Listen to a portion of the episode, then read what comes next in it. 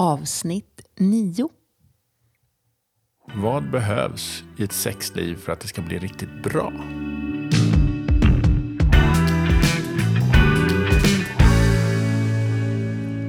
Att ni båda två har det sex som ni vill ha. Med varandra, regelbundet. Våga prata om det. Ja, det finns ju inget bestämt. Det måste vara så här ofta eller de här sakerna. Utan det är ju upp till er som par. Mm. Men också tror jag att det måste vara tillbaka till det här nörderiet eller passionen att investera i sexlivet som en hobby då. För att få det riktigt bra. Alltså gå och vara lite nördiga i perioder och verkligen se om ni kan levla upp om ni nu vill det. Ja, lägga tid och engagemang. Mm. Intresse. Mm. Nyfikenhet. Mm. Klarhet. Var tydlig. Berätta vad du vill. Ta reda på vad du vill. Precis. Har jag det sexet som jag vill ha? Har jag verkligen det? Har vi verkligen det? Och vet jag vilket sex du vill ha? Ja, det är viktiga frågor. Ta med er dem. Vet du vilket sex jag vill ha? Jag är ganska säker. Men jag provar mig fram fortfarande. Ja. Du vågar? Ja, vi eh, pratar mycket och testar och känner oss för. Men ibland kan man ju ha ändå känslan att jag vet inte riktigt vad det är jag vill ha. Och då Mm. får ju partnern vara draghjälp. Eller så testar man lite saker och så, nej men det där var inget kul. Eller ja, Mm. det där var kul den här veckan men inte nästa. Mm. Mm. Är det någon skillnad då? Vi fick en sån fråga. Är det någon skillnad på manlig och kvinnlig sexualitet? Var det så frågan löd? Ja. Ja. Alltså mönster, är det någonting man behöver ta hänsyn till? Är det, är det, ligger det fördomar bakom att män alltid vill ha mer och kvinnor inte vill ha mindre? Ehm, Kvinnor inte vill ha mindre. hmm. Spännande. Jag tror att det ligger väldigt mycket sånt normdrivande i hur det ska vara. Och det är svårt att förändra. Eh, Så ja, det är fördomar tror jag. Väldigt mycket. Och framförallt så är det ju inte statiskt. Nej. Det ändrar sig ju genom livet hela tiden. Och det kan vara potensproblem, det kan vara eh, klimakterie, det kan vara graviditet, Mm. det kan vara sjukdom. Alltså och ålder och, och barnbarn. Och, Karriär. Ja, karriär, allt möjligt. Mhm. Så att det är klart att det är olika i olika perioder i livet för de olika partnersen i relationen.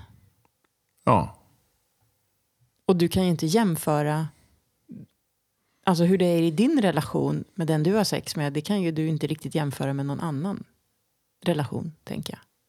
För den är ju alltid unik. man kanske kan inspireras eller få hjälp av det. Men man kan inte förlita sig på det. Nej. Så man måste utforska tillsammans där. Ja. Och samkönade relationer har i mångt och mycket samma problem som, som vanliga heterorelationer. Så det går inte att skylla på att män är så och kvinnor är så. Det, Nej, och allihopa måste vi jobba på att eh, investera i attraktionen och lusten. Och nörda in oss. Ja. Om vi skulle nörda in oss då på att uppleva den här erotiken i kroppen då. Det erotiska i min kropp får ta mer plats. Det här livskraften, att känna mig levande. Att känna mig som en sexuell varelse.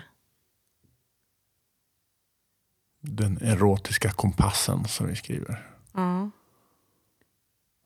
Den är ju kanske motorn och drivkraften bakom allt det här. Och eh, att älska sig själv på något vis i början. Mm. Och tycka om att vara i den här kroppen. Tycka om sin kropp. Tycka om den man är. Och hur det känns att vara den jag är. När jag kan gilla det så är det ju Då kan jag ju känna lust till mig själv. Ja, och, och tycka att det är okej att jag är en sexuell varelse. Inte bli nedtryckt eller tillbakatryckt av andras tankar, åsikter och idéer. Normerna. Ja, Mm. de gillar vi inte så mycket. Nej. Och där är ju burlesken för mig en väldigt fin arena att få leva ut måndagkvällar med burleskgänget.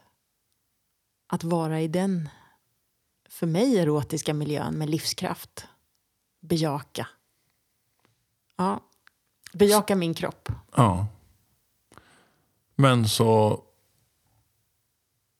Det blir ju lite av ett svar på, på en fråga vad som behövs för att sexlivet ska bli riktigt bra. Måste börja med att inse och tycka om att du är en sexuell varelse. Mm. Det betyder kanske inte att du står på taket och ropar ut det här, men i alla fall i så många stunder som möjligt under varje dag eller veckan. Vara den här sexuella varelsen. Framförallt i kontakten med din partner. Ja, Och vi gör ju små tricks om det här med att och småflörtandet hela tiden. Och bara nudda, titta, skicka ett meddelande. mm. Eh, Det är ju en del av, av det där. Mm. Väldigt enkelt och kostar nästan ingenting. Men eh, ger en bra utdelning. Mm.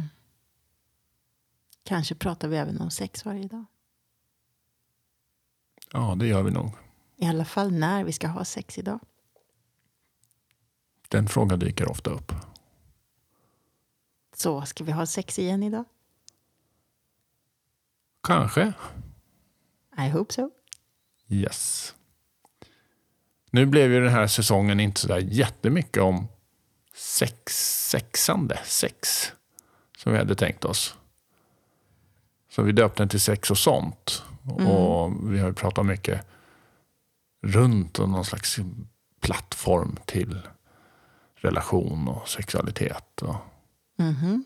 Men vi kan prata ännu mer detaljerat om analsex, deep throating, vad mer? ja, det finns mycket. Mm. Så vi gör nog en eh, säsong till som bara heter om sex kanske. Och där kanske det är bäst att lyssna med hörlurar. Så får ni ett gott skratt säkert. Lite inspiration. Det hoppas vi. Tack för att ni lyssnar här hörni. Och eh, in och gilla förstås och dela med er och eh, återkom med frågor. Och hejarop! Tack för denna säsong. Hej då! Bye bye!